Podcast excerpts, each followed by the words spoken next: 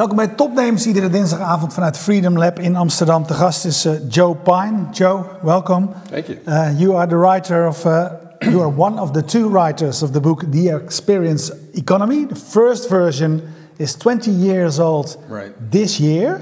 Uh, most of the time in, in uh, books, uh, how do you say it? That they lose their yeah, essence. They after, don't last. No, right, they don't right. last. And um, yours uh, did, so we will talk about that.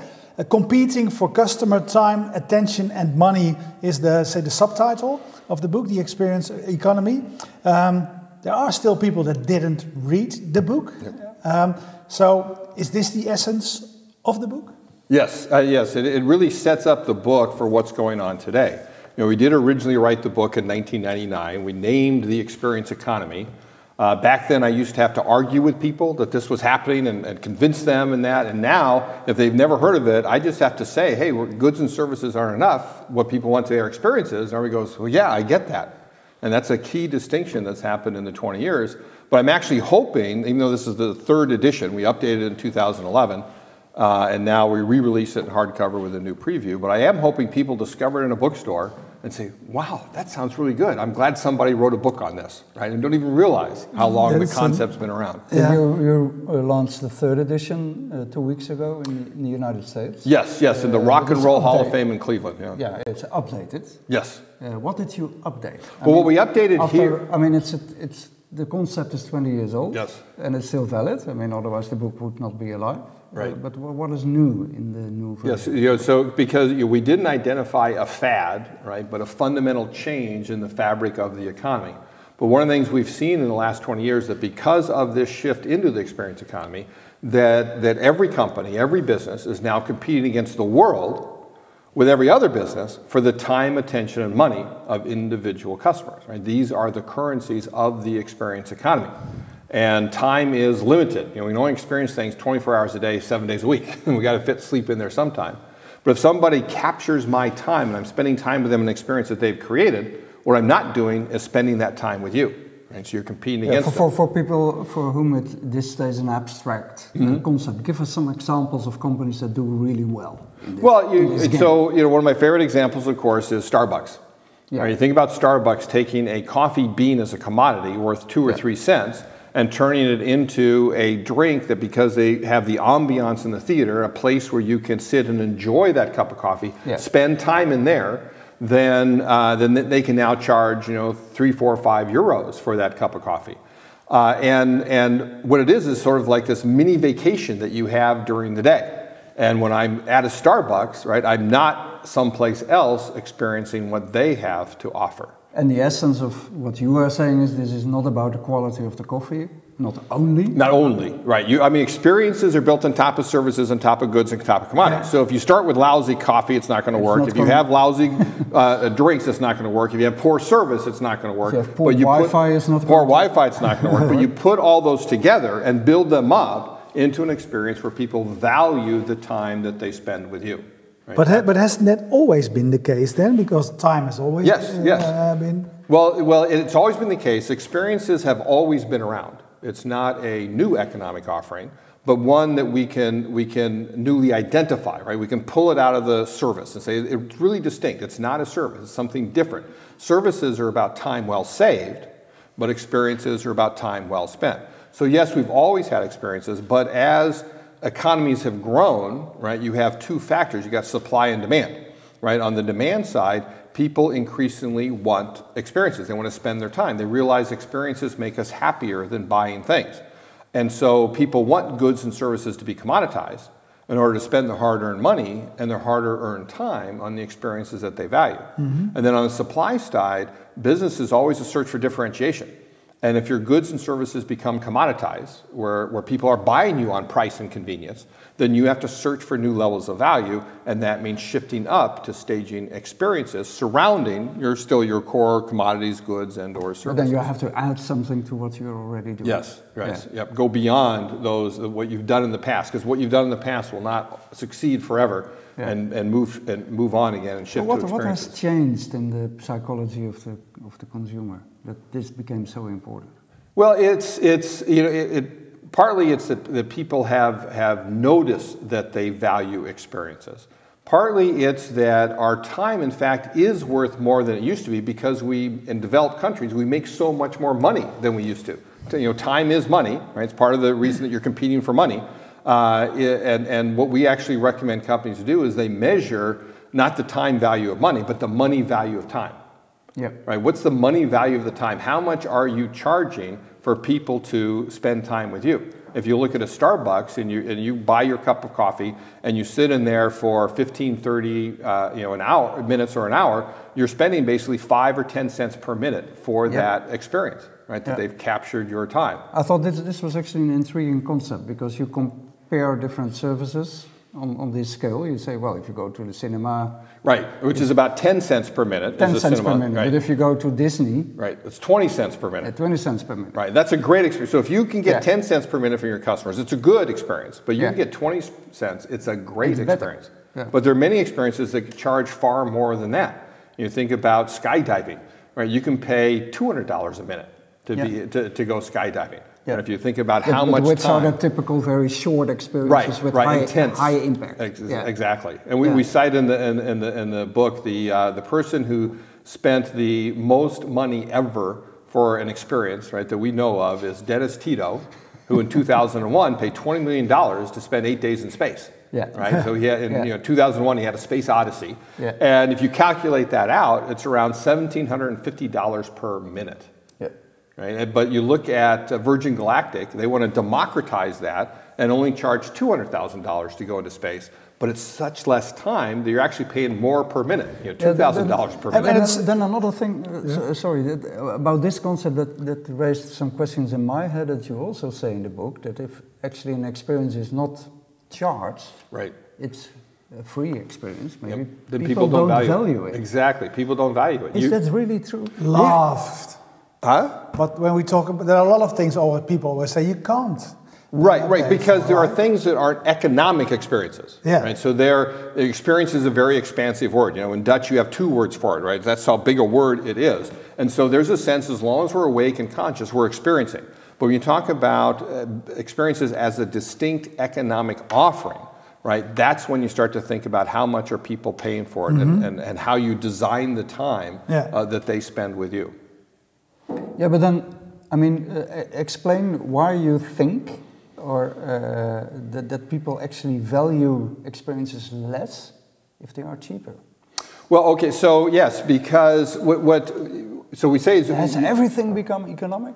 No. No, everything isn't. So you know, love is not an economic experience, right? Yeah. You can have a wonderful family dinner, right? Or you can create a romantic, you know, uh, a weekend at home, right? A, a stay vaca- a staycation Yep. they call them, right? Yeah. Uh, and not spend a lot of money being able to do that, and that's fine, and, and we've always done that. But increasingly, we we we pay a fee for what once was free. In other words, we increasingly pay other people for the experiences that we have rather than be responsible for them for ourselves. It's the same way if you go back to the agrarian economy, right? 90% of the people worked on farms. They, they, and eventually, though, we're able to buy produce from somebody else who could do it more efficiently, more effectively than we could do it ourselves. And so we moved into, into goods, right? We used to make our own clothes. We used to make the tools that we use in our trade, if we're a cobbler or we're a Yep. carpenter or whatever. Uh, but eventually we, we purchased those things from other people, right? We paid a fee for what once was free. Same with services. We used to change our oil in the car. When was the last time you, you, did you change an oil in the I did it three months ago. Did you really? I haven't done it in I'm still doing it. 29 years. right? But 90, still over doing it, 90% of the people pay Yeah. somebody else to do that, right? Yeah. Or cut your hair, right? We used to, you know, I remember when I was a kid, but- my but- father would get out the scissors and cut my hair. But now I I pay also see the, the tendency in, a, in almost anti, you know, uh, circular way that people actually value things that Sure. are not priced Sure. more these right. days. Right. It, it's, So- it, it's been said that every trend sows the So, seeds so for its counter trend. walking for a few hours through the forest, you know, doesn't Yes. cost you anything. Yes, and and um, and there are many experiences like that. But even if you're walking through the forest, right, there's still a company that uh, that built the car that takes you to the edge of the forest, right? The- There's a company that, that that made the clothes that you're wearing to protect yourself from the forest. There's a company that's providing the cell phone service in case you get lost in the forest. Yeah. Uh, and, and so that there's still everything comes down to economics at some point. Yeah. And um, But, but in charging a fee, you know, the basic principle is that as a company, you are what you charge for. Right? You are what you charge for. If you charge for undifferentiated stuff, you're in the commodities business. If you charge for tangible things, you're in the goods business. Yeah. If you charge for the activities your people perform, you're in the services business.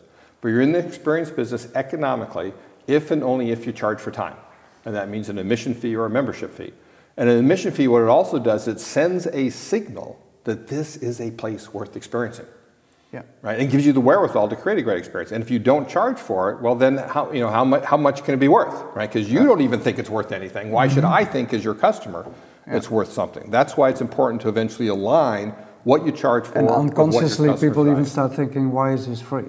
Right, And- exactly, And, and will probably exactly. not trust it. Yep. think, yeah, does he want my data? Does he want, what Right. does he want? Yeah. look at look at Facebook and Google, right? They're free, right? You get and you get tremendous value out of it, but guess what? You're not the customer. Yeah. They're advertising companies. It's the advertisers that are the customer. You're the product. They want to take your data, but instead, if they charge for it, right, then it'd be a different relationship. Like Oh, yeah. look at Amazon. Definitely. Amazon. Everybody that goes to Amazon is a customer. If you're an Amazon Prime member, you are a member. They're paying per year a t- for time to be to get access to to uh, you know, faster shipping and so Yep. forth. And that's a different relationship than it is with Facebook or Google, where you're the product, not the customer.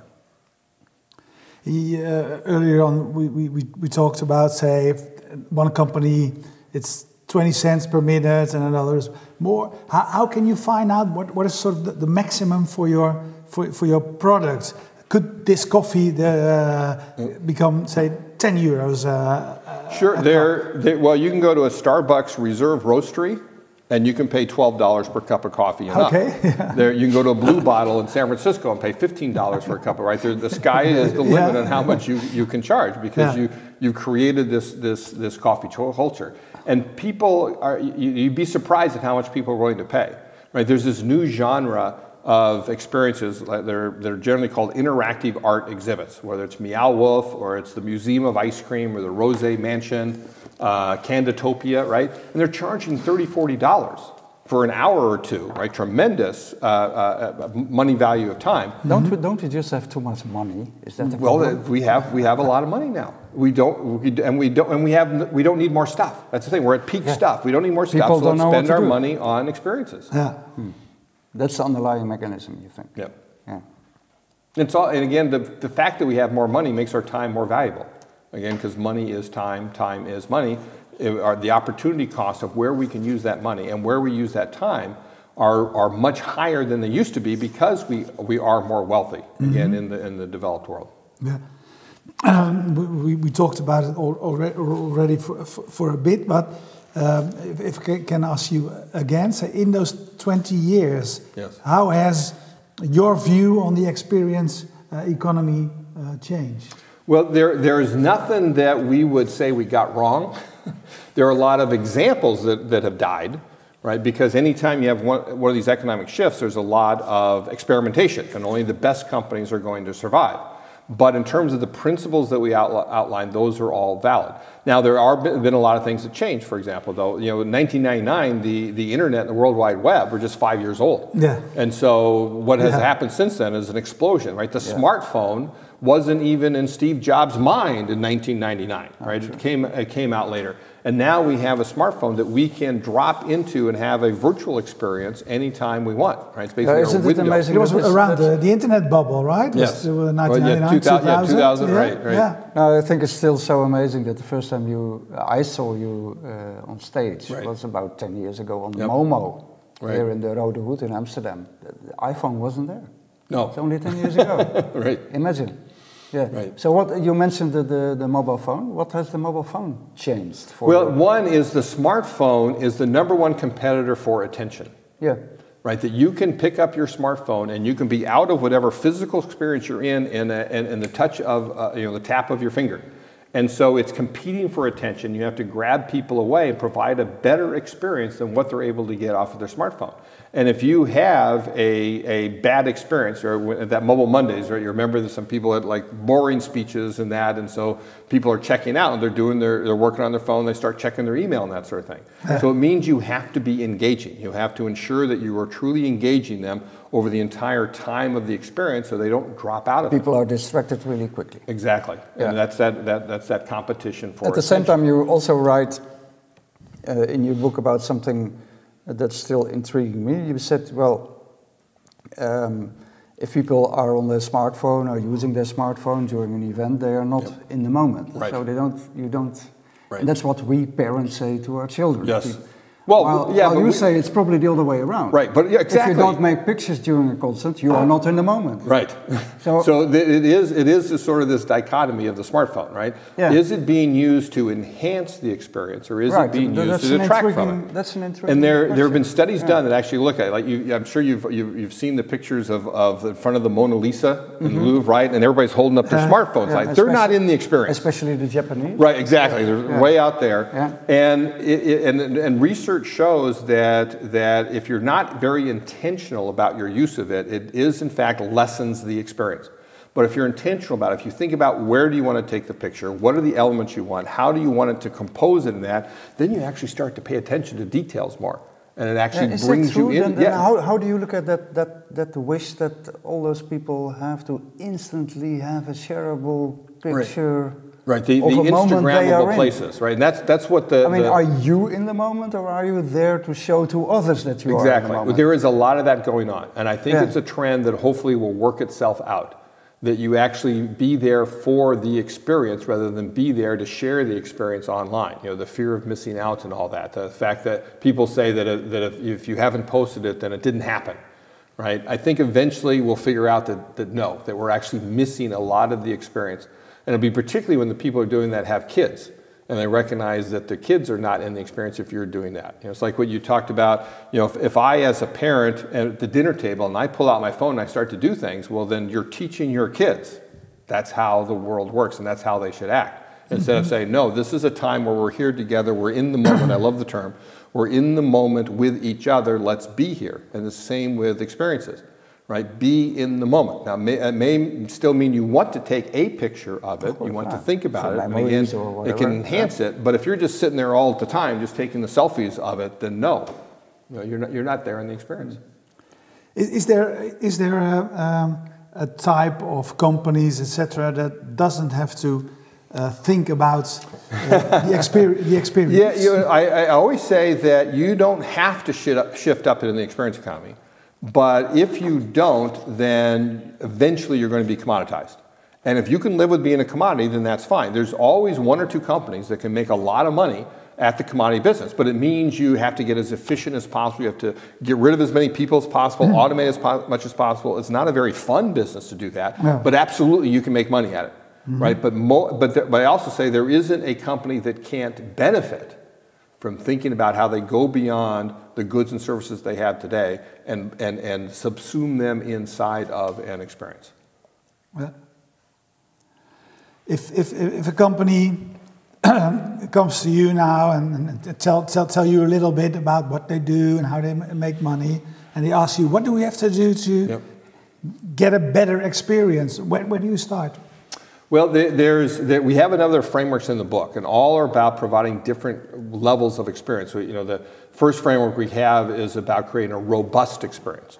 So, which centers around the sweet spot between entertainment, educational, escapist, and aesthetic experiences. And how do you hit the sweet spot in the middle? So you think about you're in one of these, right? That that's the realm you're in. Well, how do you extend yourself and, and, and, and embrace the others? The second framework is about creating cohesive experiences. And that means you have to have a theme. Right, now, it doesn't mean it's got to be in your face like a theme restaurant or fantasy like a theme park, but it means simply the organizing principle for the experience. And once you have that, then you can, you can have a cohesive experience that, that really captivates people's attention. Then it's about having a personal experience, right? Because experiences happen inside of us. So, how do you reach inside of people and engage them? And customization is a key way to do that. We talk about dramatic experiences. How do you create drama that rises up to a climax and comes back down again? How do you direct your workers to act in that drama, right? Mm-hmm. Those are key to creating a great experience, and that doesn't require money. right? Just directing your workers to act doesn't require new equipment or anything. It's just focusing on being on stage. And then finally, we talk about transformative experiences, which is actually about going beyond the experience to help people change, to help them achieve their aspirations. Because we're all the product of our experiences, as the saying goes. So, how do you use the set of experiences to guide people in achieving their aspiration? And in fact, there's no more economic value you can create than helping somebody achieve their aspiration. Mm-hmm. Yeah, that last category, the transformational or transformative, how do you call yes, it? either one works. either one works. Uh, that really intrigued me. Uh, can you give us some examples of how? Uh, well, sure. Uh, there are many industries that are naturally in the transformation business, like healthcare, right? Yeah. Healthcare, going from yeah. sick to well. I, yeah. may, I have a particular aspiration, but you know, in general, I'm going from sick to well. It's a very specific one, but it's also about experiences that really change your view of yes, view of the, the world. world of exactly. The, the transformative travel is this huge trend in the tourism industry mm-hmm. where people get away from the ordinary life, where you're most open to change, and now begin to think about your life and reflect on it and be exposed to these other things. And, and, and like you say, really, you know, what's my place in the world? Get out of your comfort zone and really, yeah. Yep. And then the, another big, you know, fitness centers in the transformation business, but coaches.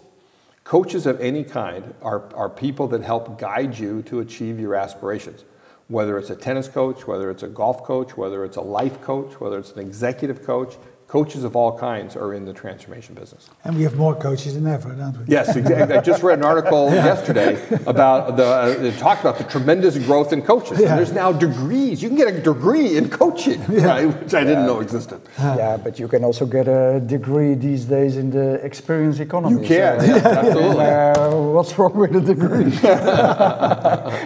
You're offering those courses, yes. You? Yeah. Well, we offer a certification course ourselves, right? Ex, you know, a cert- That's what I mean, experience economy expert certification course, yeah. uh, which is a four and a half day immersion in the experience economy and all the frameworks, all the principles, developing ideas, learning techniques for how to teach them and use them yeah. with, with companies. Can, can you give an example of a, of a student of the, of the course that, you, that you're proud of?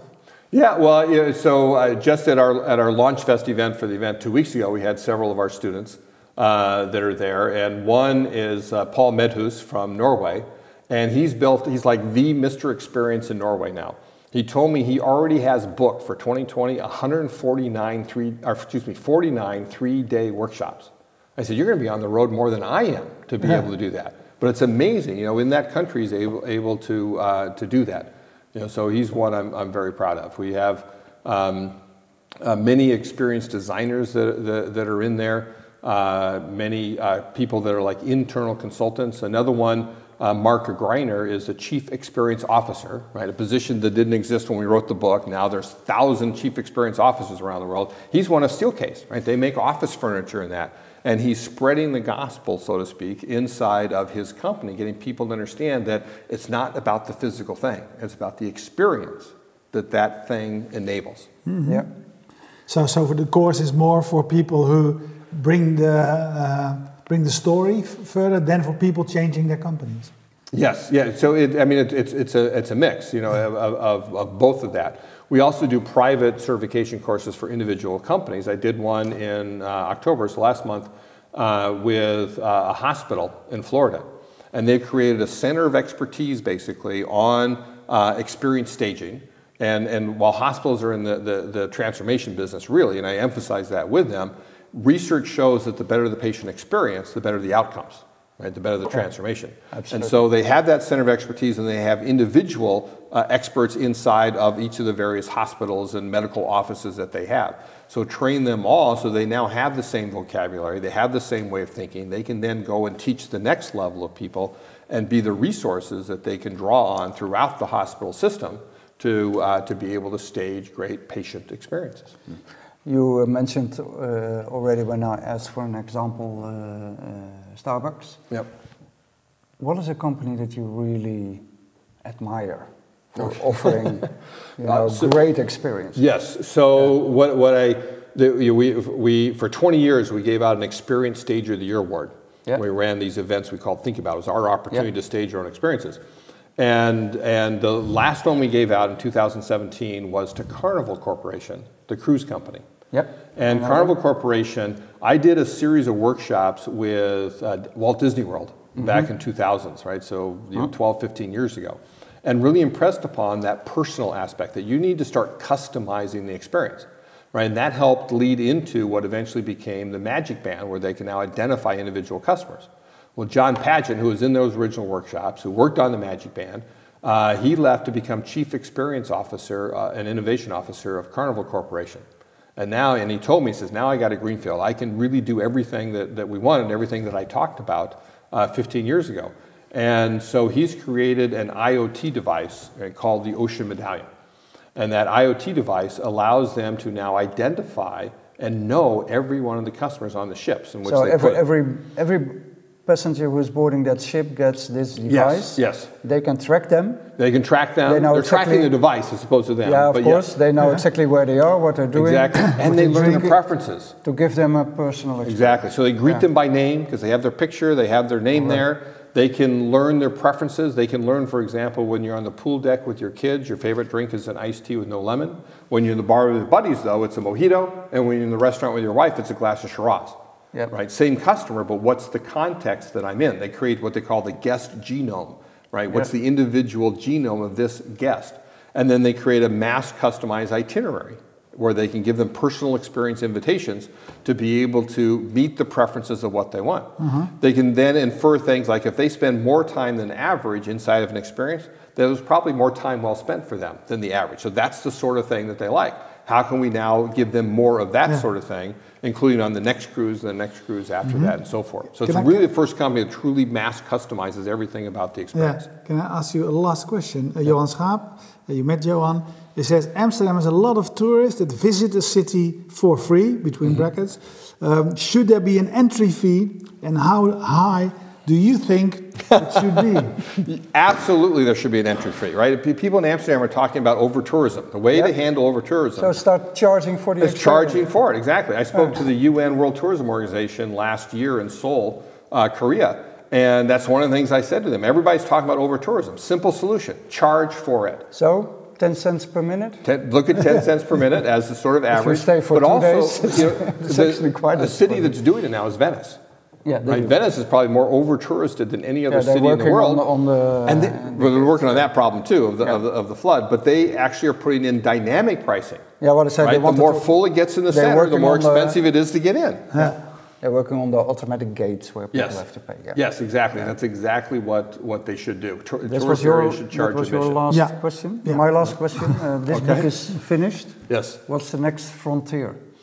The next frontier is, is um, uh, we've been working on a set of ideas that relate to my first book, Mass Customization, but still embedded in the experience economy, which is that uh, is understanding that there, there are no markets, there are only customers. Right? Markets are a fiction we tell ourselves, and we don't know who our customers really are. Right? But customers aren't part of a market or a segment or a niche or a generation or a persona or any other agglomeration of anonymous buying units of indeterminate size, right? A market is a living, or excuse me, a customer is a living, breathing person. So we need to ascend to the proposition that all customers are unique, right? Undeniably, unremittedly, unalterably unique, and therefore we have to stop marketing and we have to start customering. Okay. we'll wait for the next book. That's right. So that's Yeah. what we're working on. Hopefully, as the as the next book. Well, Joe, Okay, thank you very much. Thank you very It's a much. pleasure. Thank you for having me. Jullie bedankt voor het kijken. En eh, je weet, eh, iedere dinsdagavond zijn we er. We doen twee interviews. Kijk je nu live, blijf even kijken. Want zo direct praten we verder. Kijk je on demand, dan weet je dat je al die interviews van al een kleine tien jaar kunt terugzien via fastmovingtargets.nl of via YouTube. En ik moet natuurlijk nog eventjes eh, de sponsors eh, melden, Stekel. Ja. De biertjes gaan we zo naar op zoek. Van, eh, Normally there are beers on the table from a. Sponsor, our beer sponsor. Okay. We thank our beer, we thank our beer sponsor, Bier en Kan, voor de, voor de beers. Eh, PQR voor de hosting van de website. Jetstream voor de livestream. En Freedom Lab voor de gastvrijheid. Dag.